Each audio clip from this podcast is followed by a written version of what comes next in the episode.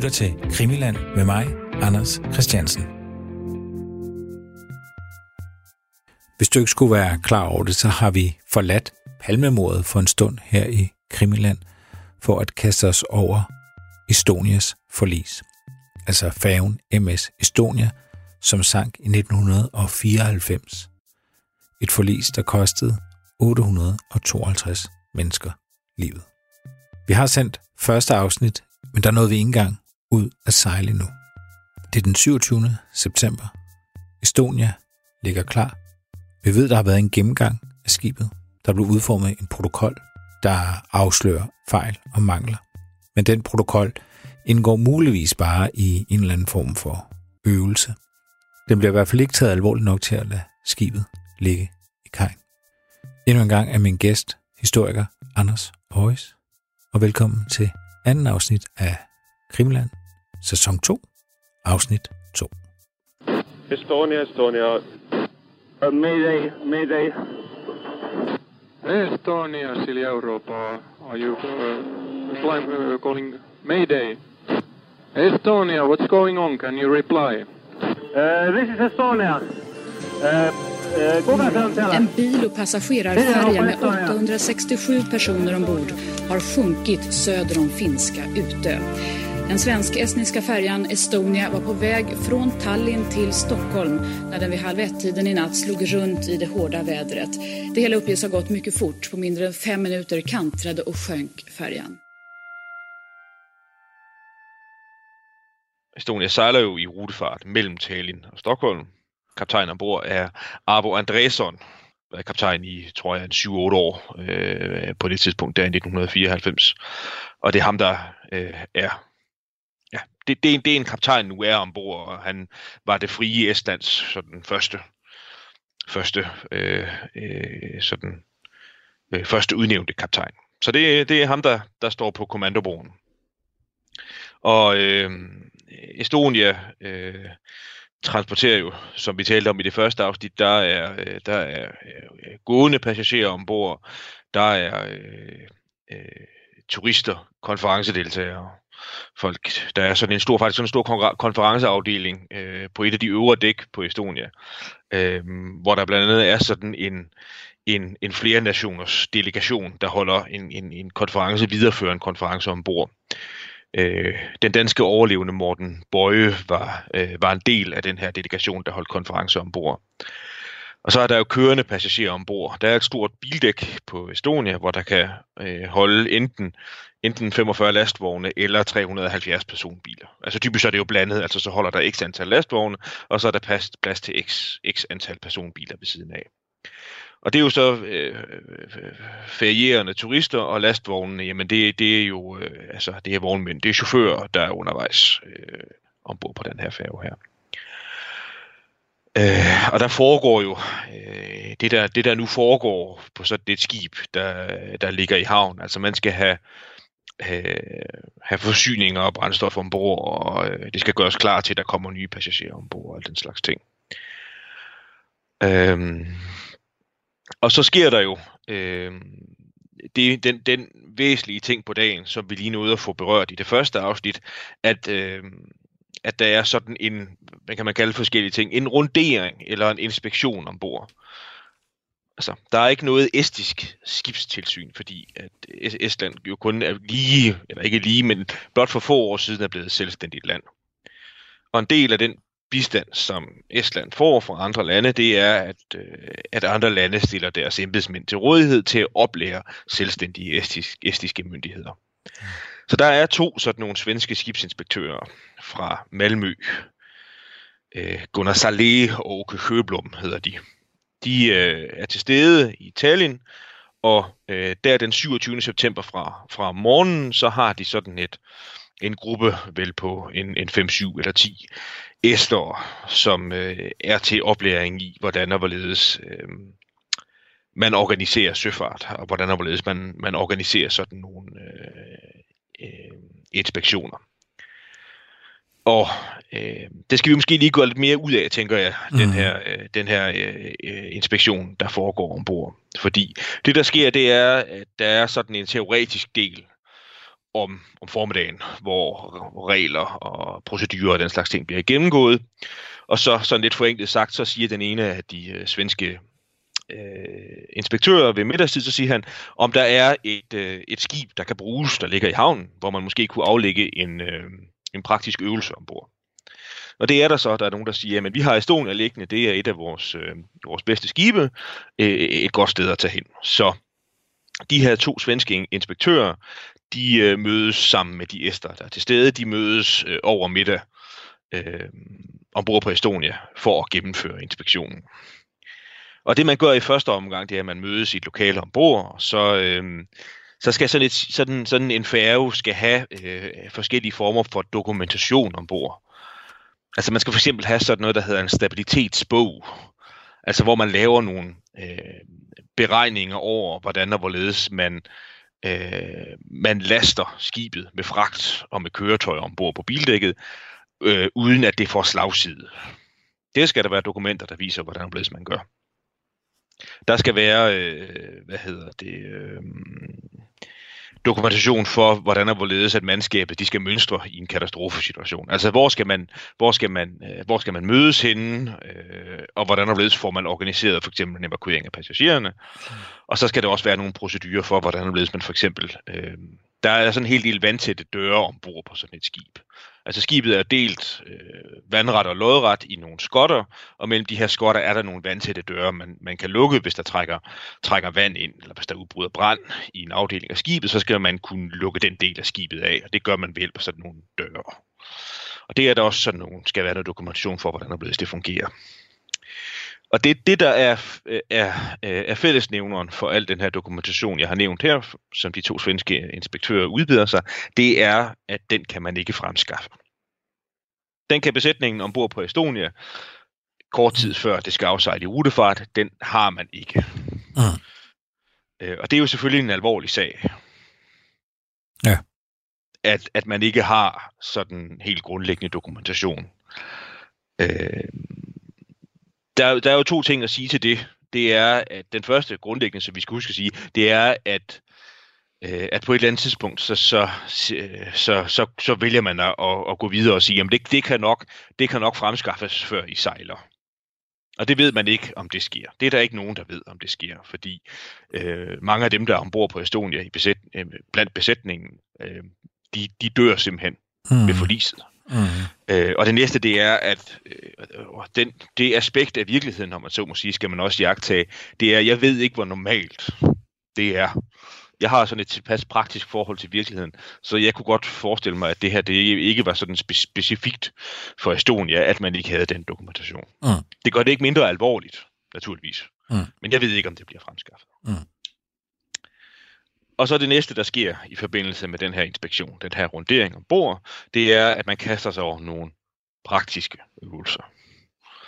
Altså der er for eksempel op på, øh, op på kommandobroen, så er der sådan et panel til, hvor man styrer de her vandtætte døre ombord. Hvordan og kan man lukke og sejl en, et, en afdeling af skibet ved at trykke på nogle knapper. Og de kan lyse rødt og grønt, de her indikatorlamper her. Og det er der ikke rigtig nogen ombord, der ved, hvordan og hvorledes det fungerer. Hvis man trykker på knapperne, hvad betyder det så, øh, om indikatorlampen er rød eller grøn? Betyder det så, at døren er lukket eller ej? Det er der ikke rigtig nogen, der ved. Mm. Og man går rundt ombord, og man finder sådan... Altså på dækket er der sådan nogle øh, lurer, man bruger til at få enten mennesker eller fragt eller materiel, eller hvad det nu kan være, ned i skibet. De står åbne og er rustet til. Altså, de skal normalt være lukket, når man sejler. Sejler åbent hav, så skal de være lukket, men det er, at de ikke de har stået åbne, og de har stået åbne i lang tid. Man kan ikke få dem lukket. Der mangler noget materiel til, øh, når man får last og får lastvogne ombord, så skal der være, øh, altså sådan, øh, hvad hedder sådan nogen, ja, sådan noget grej, man bruger til at spænde ting fast med. Ja. Og det mangler, eller er slidt. Og der mangler frem for alt, så mangler der, øh, det er noget, vi også var inde på sidst, den her øh, borgportskonstruktion. Altså man kan åbne skibet fortil og lægge en rampe ned, så kan der køre køretøjer ombord. Der mangler en masse gummipakninger, der gør, at den her rampekonstruktion skal være tæt, når man sejler. Mm. Der mangler gummipakninger, og så videre, og så videre, og så videre. Vi kan måske gå mere i detaljer med det ja. senere hen. Det tænker jeg, det kan være. Der er det specifikke ved det, det er, at man laver sådan en protokol over, hvad der er, der sker. Man laver faktisk den første, første del af protokollen, laver man den 27. Og, og så dagen efter, faktisk da Estonia er forlist, sidder man og laver den færdig. Det kan vi også vende tilbage til senere. Det, der er at sige om det i første omgang, det er, at det får ikke nogen konsekvenser. Altså, der mm. sker ikke det, som ellers kunne ske. Altså, det vil sige, at man holder Estonia tilbage og sige, man, I må ikke sejle, før at, øh, at det her det er udbedret. Og mm. det er der to årsager til. Den ene årsag, det er, at øh, kaptajn Andresson er der ikke. Det er ham, der skal have overdraget den her protokol. Men han, ham kan man simpelthen ikke træffe. Mm. Og det er andet er så også, at man overvejer, om, øh, hvad hedder det, om, om det her det er en øvelse, eller om det er en inspektion. Ja. Altså man kan sige, det, man, man, det, det, det er jo oplæring, altså, så det er jo ikke noget, man laver for sjov. Nej. Det er ikke noget, hvor man står, står øh, og finder på ting. Altså det er det ikke. Det er en helt reel øh, inspektion, man laver af folk, der er søfartskyndige med henblik på at oplære andre. Ja. Og når man har til formål at oplære andre, så laver man jo, så har man sådan et ekstra incitament til ikke at lave tjusk. Altså så gør man det selvfølgelig ordentligt. Ja. Hvorom alting er, så er det det, man gør, og så er det sådan et, et interessant stykke kontrafaktisk historieskrivning. Fordi, kan nu vide, om hvis Estonia nu var blevet holdt tilbage, øh, om katastrofen så var sket eller ej. Øh, eller om det rent faktisk fik katastrofale konsekvenser, at man lå det her skib her sejle, til trods for, at man vidste, at der var de her mangler her. Mm. Tja. Ja. Det ved vi ikke. Det ved vi ikke. Estonia fik lov at sejle, og øh, protokollen foreligger. Som sagt, jeg synes, vi skal gennemgå den særskilt i de senere afsnit. Hvad det er, den indeholder, og hvilken rolle den kommer til at spille i hele efterforskningen efterfølgende. Ja, aftale.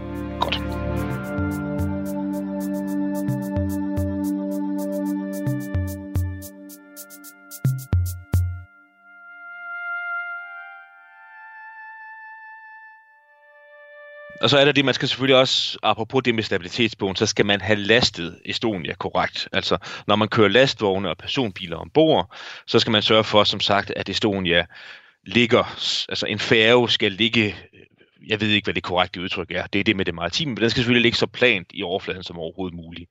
Den må ikke, øh, der må ikke have voldsom slagside til den ene eller til den anden side. Mm. Øhm, men det har Estonia da den afsejler. Den har en svag slagside til, øh, og hold nu fast, fordi nu kommer der en af de væsentligste maritime termer, vi skal have styr på. Og det er, at den har en svag slagside til styrbord. Ja. Og styrbord, hvad er så det? Jeg gætter på højre. Det er også korrekt. Fordi der, det, altså, så vidt jeg ved, så er definitionen den, at man skal stå og kigge på et skib bagfra. Og så er styrbord højre, og bagbord, det er venstre side. Mm. Og Estonia har den her svage slagside til styrbord. Til trods for, at Estonia har sådan nogle ballasttanke.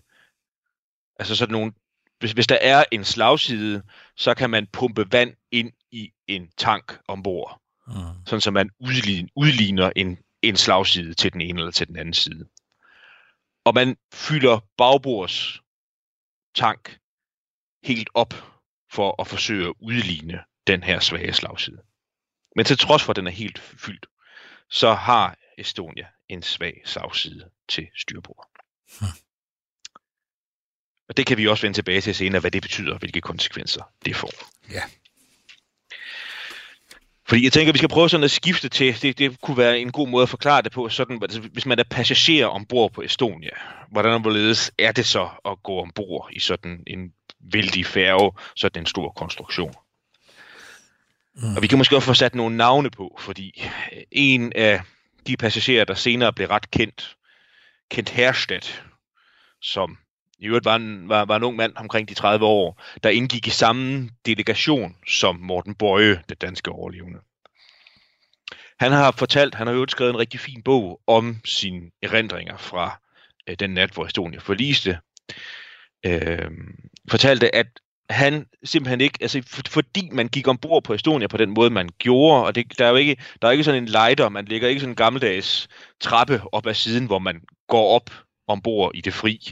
Det er sådan en, hvad skal man kalde sådan en, altså man bliver ledt ombord igennem sådan en gang, ligesom på et fly, mm. og så går du ind i en åbning af færgen og Herstedt har, har fortalt det, og det kunne vi andre nok også godt have sanset, hvis det var også det, gik ombord, at man, man blev simpelthen ledt ombord, uden at, uden at forstå, hvordan, hvor, hvor stor Estonia var, og hvordan og hvorledes skibet så ud og var konstrueret. Man kunne simpelthen gå ombord og lige ind i det, uden at sanse, hvordan og hvorledes så den færge var opbygget. Ja. Og så det man, det, man gør, og det, der forventes af en som passager, det er, at man går ombord, man finder sin kahyt og lægger sin bagage ind i kahytten, Øh, og det er sådan med de her kahytter her, at der er jo kahytter fra, så at sige, fra top til bund. Altså jo længere op i skibet de er, jo dyrere og finere er de, fordi så har man vinduer og udsigt. Og tilsvarende så er der sådan nogle øh, billige kahytter, faktisk helt nede i bunden af skibet, under bildækket, er der sådan nogle to- og firesængs kahytter. Kom tilbage til senere. Men det er det, man forventer, passagererne gør. De går ind, finder kahytten, lægger bagagen af, og så er der sådan nogle fikspunkter, som er interessante for stort set alle passagerer.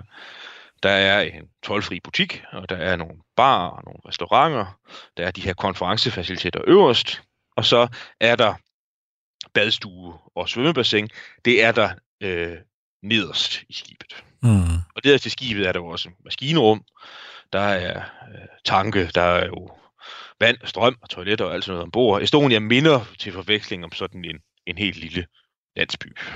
Ja. Estonia afsejler lidt forsinket efter klokken 7. Estisk tid, skal det siges. Det er sådan med Estland, at Estland ligger i øh, en tidszone, både i forhold til Danmark og Sverige, der er en time forud. Og det skal vi prøve at se, om vi kan få så lidt forvirring ud af som overhovedet muligt. øh, jeg, jeg, skal, jeg skal prøve at holde mig til estiske tidspunkter. Ja. Øh, men, men man sejler lidt efter klokken 19. Vi ved ikke rigtig, hvorfor der er en mindre forsinkelse. Faktisk. Nej, altså den skulle have sejlet klokken 19, eller hvad? Ja, og så sejler den formentlig et kvart år. Okay, okay. Lidt forsinket. Øh, og så er der det, øh, hvis vi skal sådan se på, på det forløb, vi kommer til at gennemgå nu, at vi kan, vi kan ikke stille os et eller andet sted, øh, forestille os, at vi står et eller andet sted, og iagtager Estonias forlis i sin helhed. Det er der ingen, der kan. Altså, øh, der er sådan en række af sammenvævet forløb. Noget af det har vi øh, vidner der, der, der kan fortælle os om det. Hovedparten af det er, er det jo i hele taget, at det, er det vidners formulerede erindring om det, der er sket, hvor de nu har været henne. Mm. Om det er passagerer eller besætningsmedlemmer, så ved vi noget om, hvad, hvad, de har, hvad de har fortalt. Og det er ud fra det, vi skal prøve at danne os et helhedsbillede. Ja. Af, hvordan og hvorledes det går til. Og i forbindelse med, øh, med sådan det, det, det, det samlede forløb, så synes jeg, der er en ting, en væsentlig ting at slå fast sådan i begyndelsen, som er ret vigtig for forståelsen. Fordi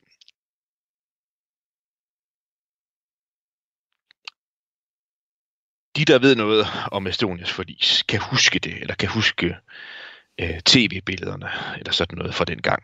Øh, kan også huske med noget med, at, øh, at øh, det var vist et voldsomt stormvejr den nat den mm. september, at mellem den 27. og 28. september dengang. Og det er sådan noget, der næsten er rigtigt. Og det er væsentligt at huske på, synes jeg, her i begyndelsen, hvor vi tegner perspektivet op, det er, at den voldsomme storm, der var den nat, hvor Estonia forliste, den begyndte faktisk først, da Estonia lå på havets bund. Estonia afsejler som sagt lidt efter klokken 7, og vi ved fra sådan nogle vejrstationer, og dem er der jo, hvor man gemmer øh, data for, hvordan vejret har været på bestemte tidspunkter, mm. at fra Estonia afsejler, og så indtil det forliser, det kan vi jo godt afsløre allerede nu, at det er mellem klokken 1 og klokken 2 estisk tid om natten, der er blæser det, og det blæser tiltagende. Men det begynder, og jeg er ikke sådan meteorologisk kyndig, men, jeg, men det, det kan man slå op, og det er relativt simpelt. Det er, at det begynder med sådan noget, der hedder frisk vind. Og hvis man går ind på øh, Danmark, Danmarks Meteorologiske Instituts hjemmeside, så kan man se, hvad frisk vind betyder. Jeg har helt tilfældigvis betydningen foran mig nu. Det er, at så står der, hvis man befinder sig på land, så står der, at små løvtræer svejer lidt. Og der står, hvis man befinder sig til havs, så står der, at der er middelstore, langagtige bølger med mange skumtoppe, eventuelt skubsprøjt. Okay. Og så tiltager den her vind ind til klokken 1 om natten til cirka 16-20 meter per sekund. Og det er omtrent cooling. Det kender mange nok også fra vævesigterne. Mm. Definitionen af cooling er, at større træer bevæger sig. Det føles trættende at gå mod vinden, hvis man er på land, og hvis man er til havs, så er der hvidt skum fra brydende bølger, der føres i striber i vindens retning. Jeg ved ikke, om man kan forestille sig, hvordan blevet det er. Mm. Men stor- storm begynder ved 24 meter per sekund. Altså det vil sige, der er et par vindskalaer op til storm, ja. fra det, der foregår, mens Estonia forliser. Men den her tiltagende vindstyrke, der er, mens Estonia afsejler. Man skal jo forestille sig, at det folk, de gør, når de kommer ombord, det er som sagt, at de finder fikspunkterne, og så laver de det, de har lyst til. Det ved man også fra beretningerne. Øh, Kent Herstedts beretning for eksempel, man, man går ombord, man får, får lidt at spise, går ned i kurbadsafdelingen, og så er der aftensmad middag ombord efterfølgende, og så øh, det, der forventes af dem, der har lyst til det, det er, at de sætter sig i baren og får et par glas. Mm. Men det går igen fra alle passagerernes beretninger, at det blæser mere og mere. Det er rigtigt nok. I begyndelsen er der enkelte, men efterhånden flere passagerer, der føler sådan en smule ubehag ved, at Estonia gynger, ruller. Det kan man kalde mange forskellige ting. Ja. Og hen på aftenen, så sker der også det, at det er de unge, der er oppe endnu, sidder i øh, beværtningerne, der det jo ligger øverst i skibet, fordi der har man udsigten. Det er der, øh, de er beliggende. De ældre ombord og de børnefamilier, der er ombord, de går til ro. Øhm, og op i de her beværtninger her er der, der er en karaoke bar. Der er, det er sådan noget rigtig 90-agtigt noget. Karaoke bar. øh, hvad hedder det? Der er underholdning ved, ved Pierre Isaksson, sådan en, en, en svensk entertainer, sanger type.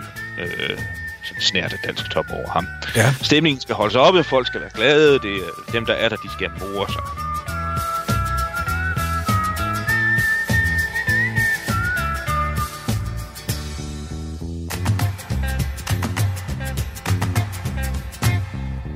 Hemma gillar de fester med pompa och med ståt. I smoking bland våra gäster, jag smilar och går åt. Och efter några timmar är allt ett stort hallå. Jag söker då en lugnare nivå. Då går jag ner i min källare. Där lever jag sällare För där har jag kvar min gamla ångmaskin. Jag matar meta-tabletter i den Lyssnar och glömmer tiden. Tar ett glas vin i ångan från maskin.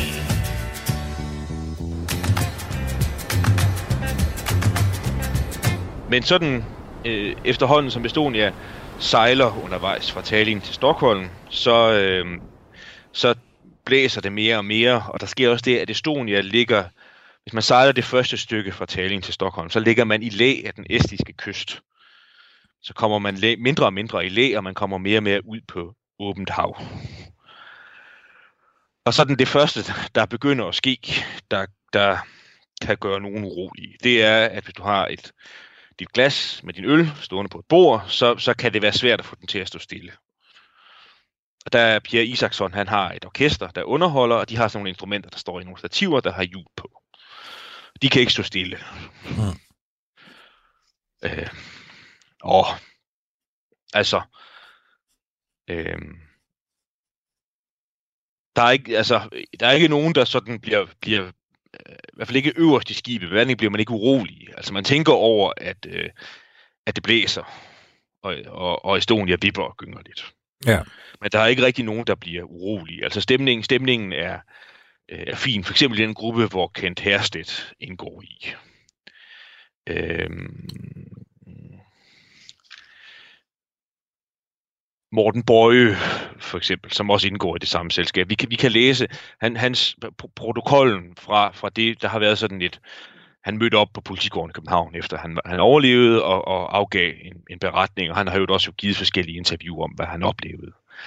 Uh, han, var ikke, han havde ikke lyst til at sidde øh, og være selskabelig om aftenen, så han var, han var gået til ro. Han havde en kahyt, sådan cirka forenklet sagt midt på skibet. Og han lå i sin, øh, i sin kahyt han rejste sammen med, med det tidligere dansk folketingsmedlem, Knud Ølgaard. Morten Bøje var altså en ung mand på 30 år, ligesom Herstedt. Ølgaard var, var en mand på, så vidt jeg husker, omkring 65. Mm. Og de havde indgået i samme, den der konference, der var ombord. Det var sådan øh, nogle folk øh, fra... Ja, det var sådan en, en blanding af en, sådan en fredskonference og en sådan kooperativ institut, Nordens kooperativ institut. Det var sådan nogle, hvad skal man kalde sådan nogle NGO'er, vil man nok kalde dem i dag, der ja. holdt møder og konferencer ombord. Og Morten Bøje var, var, var gået til ro og lå midt, midt øh, på skibet og kunne og havde samme følelse dybest set af dem, som sad og festede, det, festede og morgenpå, det var, at, at Estonia rullede, og det føltes lidt ubehageligt, men det føltes ikke farligt. Mm. Øhm, men igen, så afhænger situationen lidt af, hvor man befinder sig ombord. En af øhm, de lidt specielle omstændigheder ved Estonias forlis, det er, at der er påfaldende mange, der overlever fra de laveste dæk ombord. Altså det vil sige dækkene under bildækket. Der er de her sådan nogle to- og fire sings øh, øh, kahytter ombord. Mm. Og der er påfaldende mange, der overlever for, øh, derfra. Og hvis man ved en lille smule om katastrofen, så ved man jo, at det var noget med, at skibet, øh, skibet tabte sådan stabilitet og lagde sig på siden og forliste. Og der var noget med, at det var svært at komme ud. Og så er det jo lidt besynderligt, at, at der er så stor en repræsentation af overlevende blandt øh, dem, der befandt sig længst nede i skibet. Mm. Men dem er der mange, der overlever iblandt, fordi de oplever lidt før klokken 1 estisk tid dernede, kan man konstatere, at de første for alvor bliver urolige. Altså dernede begynder folk at forlade deres kahytter. De står op og vandrer rundt på gangene, eller søger op i skibet. Det har vi fra deres beretninger, dem der overlevede dernede derfra, at, at det, det, de kunne høre, ja, der er mange formuleringer, men de kunne høre ubehagelige metalliske lyde. Lyde, der var så ubehagelige, så det fik dem til at reagere på den måde. Der findes mange formuleringer af det. Mm. Den skraben, eller slag, metalliske lyde. Slag, sådan som om der var nogen, der slog enten på skibet, eller et sted på skibet slog med sådan nogle lægtehammer mod metal. Metal mod metal var det folk, de kunne høre og dem, der søgte ud, som sagt, lidt før klokken 1 fra de her laveste kahytter, søgte også ud, fordi der var vand på gangen. Nå. Altså, ikke, ikke sådan, øh, hvad skal vi kalde det, fossende mængder af vand. Men der løb vand i øh, hjørnerne langs gangene. Kan vi altid vende tilbage til, hvor det vand kan komme fra. Men, men det, det, det er det første, der sker. Lidt før klokken 1. Og så kan man sige, så bliver katastro- katastrofen en realitet. Lidt efter klokken 1 igen estisk tid. Mm-hmm. Det, der sådan set sætter det hele i gang det er øh, lidt forenklet sagt, at skibet krænger for en abnormt stor slagside mod styrbord. Altså igen styrbord til, hvad var det? Højre. Højre. Ja. Højre. Højre. Altså, så, så, så, så voldsomt, så den måde, det bliver oplevet på, der er dem, der ligger i deres kahytter, de bliver kastet ud af sengene, eller for eksempel, hvis de har deres ting og sager eller bagage liggende på en hylde, bliver det kastet af hylderne. Og dem, der befinder sig øverst i skibet, for eksempel i øh, ved de her beværtninger her, de oplever, at øh, øh, møbler, borer, stole, sofaer. Øh, hvis man står ved baren, så ens glas, de flasker, der står ved baren og sådan noget, bliver væltet alt sammen over ende af den her voldsomme krængning, den her voldsomme slagside Mm. mod højre. Og så er katastrofen, når man så må sige, lidt sådan klinisk betragtet i gang. Altså, hvis man skal forestille sig, at vi sådan fryser et forløb, en katastrofe, og den begynder et sted, så er det her, med den her slagside her. Lidt efter klokken 1 estisk tid om natten. Og det er ret tankevækkende, i, jeg synes, som et af sådan de helt store, utrolige sammentræf, der nogle gange sker i forbindelse med sådan en katastrofe, så ved vi ret nøjagtigt, hvornår det her skete.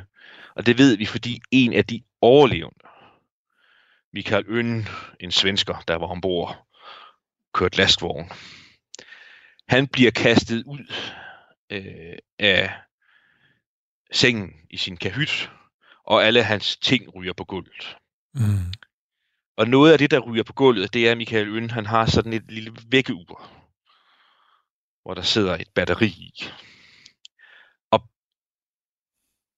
det Michael Øn gør, det er, at han lige så snart han bliver kastet ud af sengen, så, så følger han det urinstinkt, som er fælles, uanset hvor man befinder sig hen i skibet, det er, at man vil ud, Mm. ud i det fri.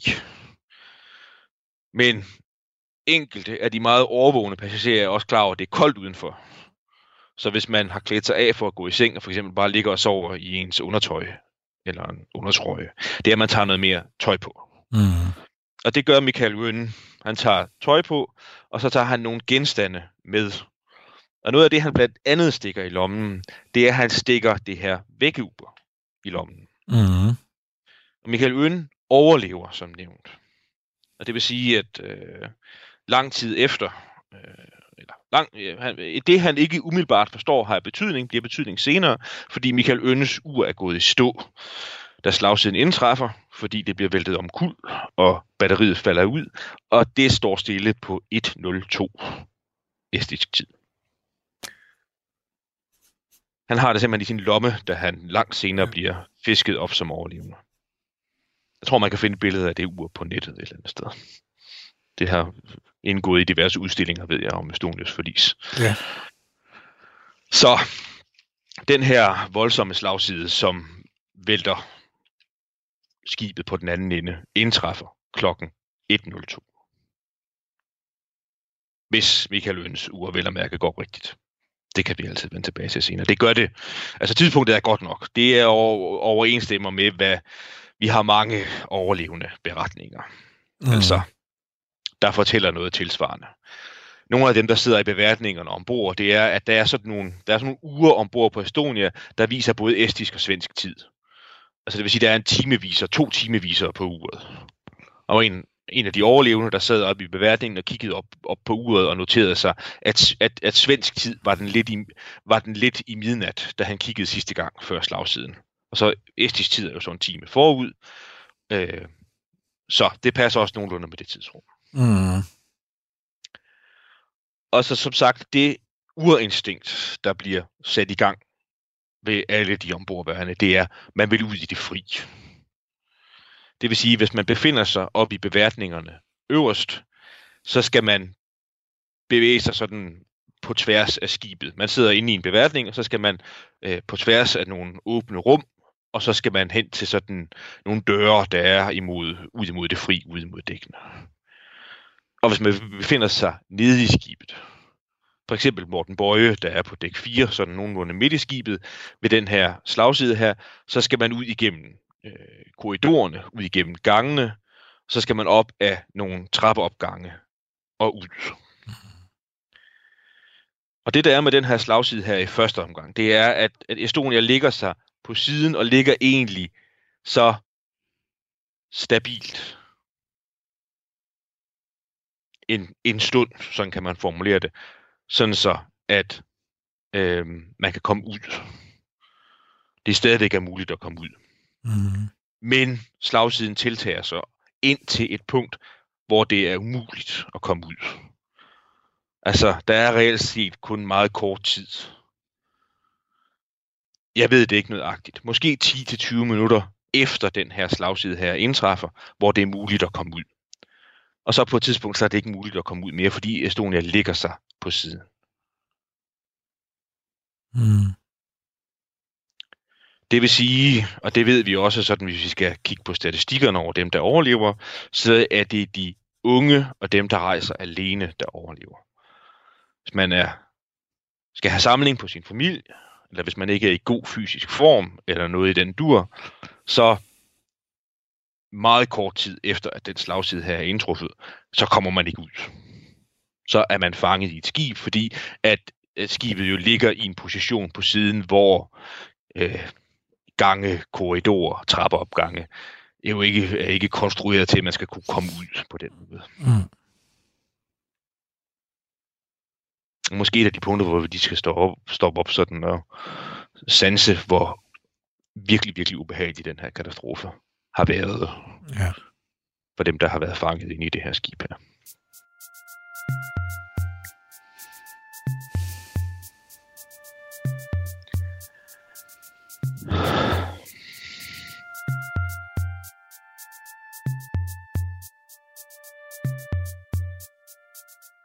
Har forskellige vidnesbyrd om dem, der, dem, der, dem, der slipper ud. De sanser selvfølgelig, hvordan og hvorledes de selv reagerer, og hvordan nogle af de mennesker, de ser, reagerer. Øhm, og der er nogen, der reagerer ved, at de følger og, og opfylder det her urinstinkt med, at, øh, at det gælder om øh, at komme ud øh, og klare sig. Øh, der er også nogen, der øh, reagerer ved at gå i, i, altså i fuldstændig i panik, altså øh, simpelthen ikke har, øh, har sandt sig samling til øh, for eksempel at forstå, hvordan og hvorledes man skal bevæge sig for at komme ud. Mm. Det gør sig blandt andet gældende øverst i skibet. Altså der er altså nogle gentagende beretninger med, at man, man altså på, på, på grund af øh, den her slagside, så skulle man gå på en bestemt måde for at kunne komme ud. Man skulle enten, altså der er mange udlægninger af det, men altså man skulle gå i sådan en bestemt kropspositur, eller føle sig frem langs væggene, eller der, der var også heldigvis også folk, der hjalp hinanden, altså så gribe fat det rigtige sted i en menneskekæde for at komme ud. Hvorimod at mange af dem, der gik, gik i panik og, og løb for at komme ud, øhm, de, de, faldt, de faldt omkuld. Og hvis man mistede fodfæstet og, og faldt og faldt igennem de her åbne rum her, øh, hvor, hvor skibet lå på, på, på siden, så kom man ikke, i mange tilfælde, så kom man ikke op og stå igen. Altså, enten kunne man ikke komme op og stå igen, eller også så faldt man og, og, og blev, øh, hvad skal vi kalde det, øh, limlistet. Altså simpelthen, altså, så hvis, hvis, hvis man faldt, så faldt man tilbage og faldt ind i noget og brækkede arme eller ben, eller det der var værre. Mm. Og så er der også beretninger om dem, der øh, hvad hedder det, gik ind i sådan en, sådan en tranceagtig, pa- tranceagtig passivitet. Altså, når de blev overvældet af situationen, så gemte, gemte de sig i et hjørne og sad og så forstenet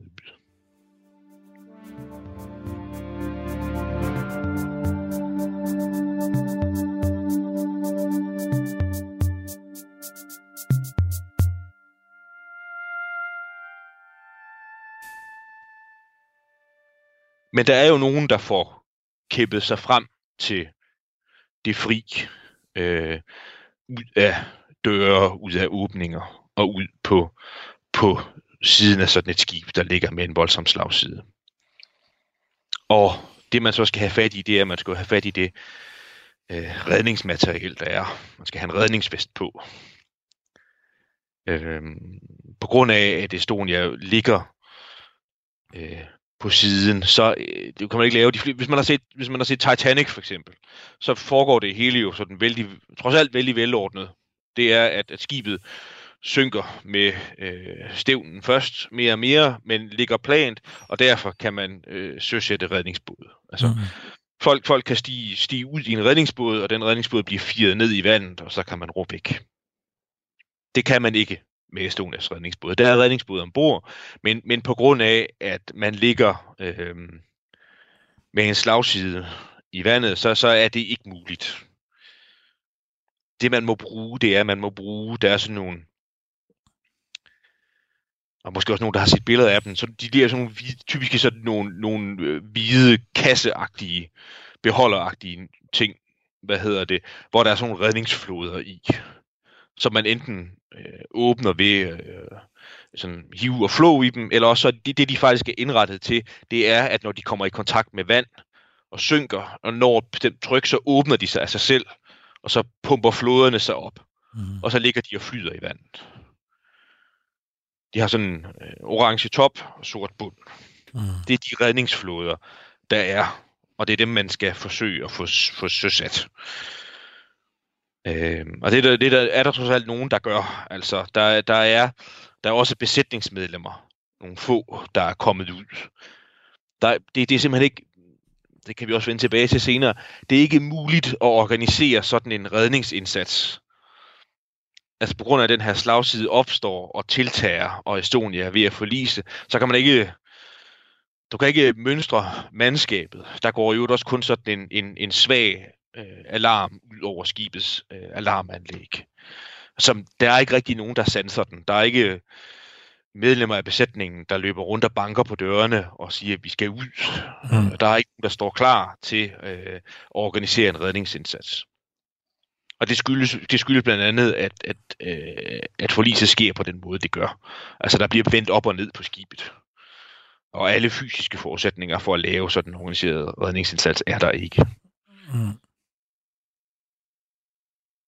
Men, altså, som sagt, folk kommer ud i det fri, står på siden af skibet, og igen så er det de her menneskelige instinktreaktioner interessant, fordi der er nogen, der kommer ud, så får de en redningsvest på, og det, så det første, de gør, det er, at de forsøger at kaste sig i havet for at komme væk. Mm.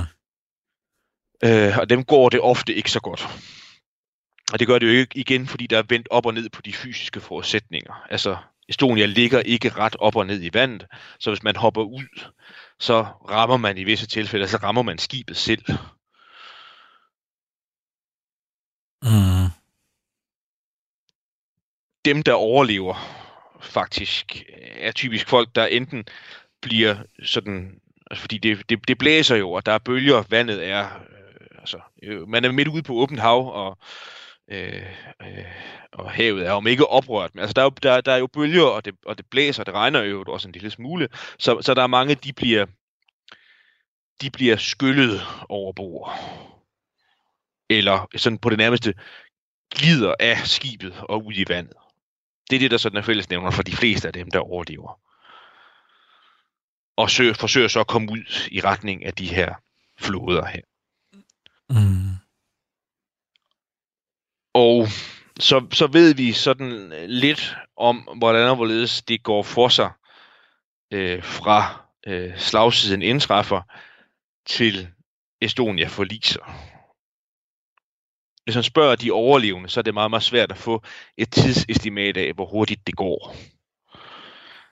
Altså de, de fleste, fleste siger, at det tager for eksempel nogle af de overlevende nede fra det laveste dæk, som, som begynder at søge ud allerede klokken 1 estisk tid, øh, siger, at det tager cirka 20 minutter en halv time fra, at de er kommet ud og har fået en redningsvest på, og på den ene eller anden måde er kommet i vandet og er nærmest er tæt, tæt ved en flod. Og det passer også meget godt med nogle af de øh, forudsætninger, vi har for at vide noget om, øh, hvordan og hvorledes det går til, at Estonia forliser. Fordi et af de store mysterier er rent faktisk, hvordan og det kan være, at vi ved, at slagsiden indtræffer lige omkring klokken 1 estisk tid, men at det første nødsignal fra Estonia kommer afsted klokken 1.22. Ja. Jeg tror, du har haft det med i, øh, i sådan øh, øh, lyden til programmet i, i, indledningen. Altså, Ja, det der er er rigtigt. besæt, besætningsmedlemmer, besætningsmedlemmer øh, fra kommandobroen, formentlig fra radiorummet, der udsender et, et, et mayday, som bliver opfanget. Der er jo andre færger undervejs om natten, og det første mayday bliver opfanget kl. 1.22, hvor Estonia kalder mayday, Ja. og bliver opfanget af, af, af, af andre skibe, og Øh, det, der bliver meldt, det er, at man har en alvorlig slagside, og det ser alvorligt ud. Øhm, men at øh, det første, der så bliver spurgt efter, det er, om man kan få positionen. Og der så bliver meddelt tilbage, den har vi ikke. Vi har blackout. Altså, der er ikke noget, ikke nogen strøm ombord, så instrumenter fungerer ikke. Mm. Så man kan ikke få en position, men, men, men den kan de andre skibe, der, andre færger, der så er andet, den kan de få, fordi de har radar ombord. Men så ved vi så til gengæld så, at klokken 1.29, der mister man kontakten via radio til Estonia. Altså det vil sige, at der er ikke nogen, der svarer i radiokommunikationen mere. Mm. Og så ved vi fra de øh, dykninger, der har været ned til vraget, at det skibsur, der står sådan et stort skibsur op på kommandobroen, som jo er, ligger aller, aller øverst på skibet, hvor man har øh, udsigt over det hele, der er uret gået i stå 1.35. Og vi ved fra de andre skibe, der var i nærheden, at Estonia forsvinder fra deres radar kl. 1.48. Og så er katastrofen jo et faktum. Altså, Estonia er forlist. Dem, der er sluppet ud, øh, ligger øh, og flyder rundt i vandet. Enten ved, mm, altså, enten ved redningsflåder, eller hvad der nu er af ting, man kan forsøge at holde sig fast i. Mm. Og så kan de stakler, der er sluppet ud i det vand, der er sådan en, en, en 10 grader øh, varmt, og øh, det er, er ikke sådan, det er, er, er koldt og blæsende og regner. De fleste har ikke fået ret meget tøj på. De ligger så i vandet og kan kun vente på, at der kommer hjælp.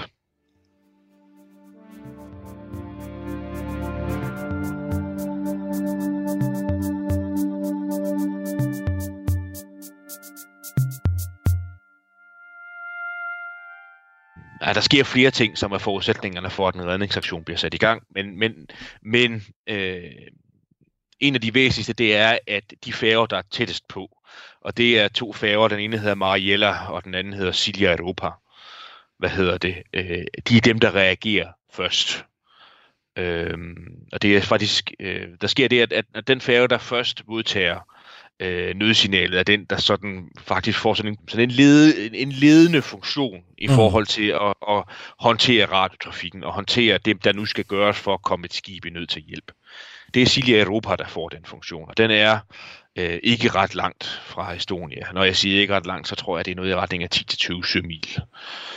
18-25 km eller sådan noget. Mm. Men de færger, der får Mayday-signalet, søger straks imod positionen, og den position kan de få på baggrund af, at de har jo radar ombord, så de kan følge trafikken, der er undervejs, og se Estonia, Mm. indtil Estonia forliser.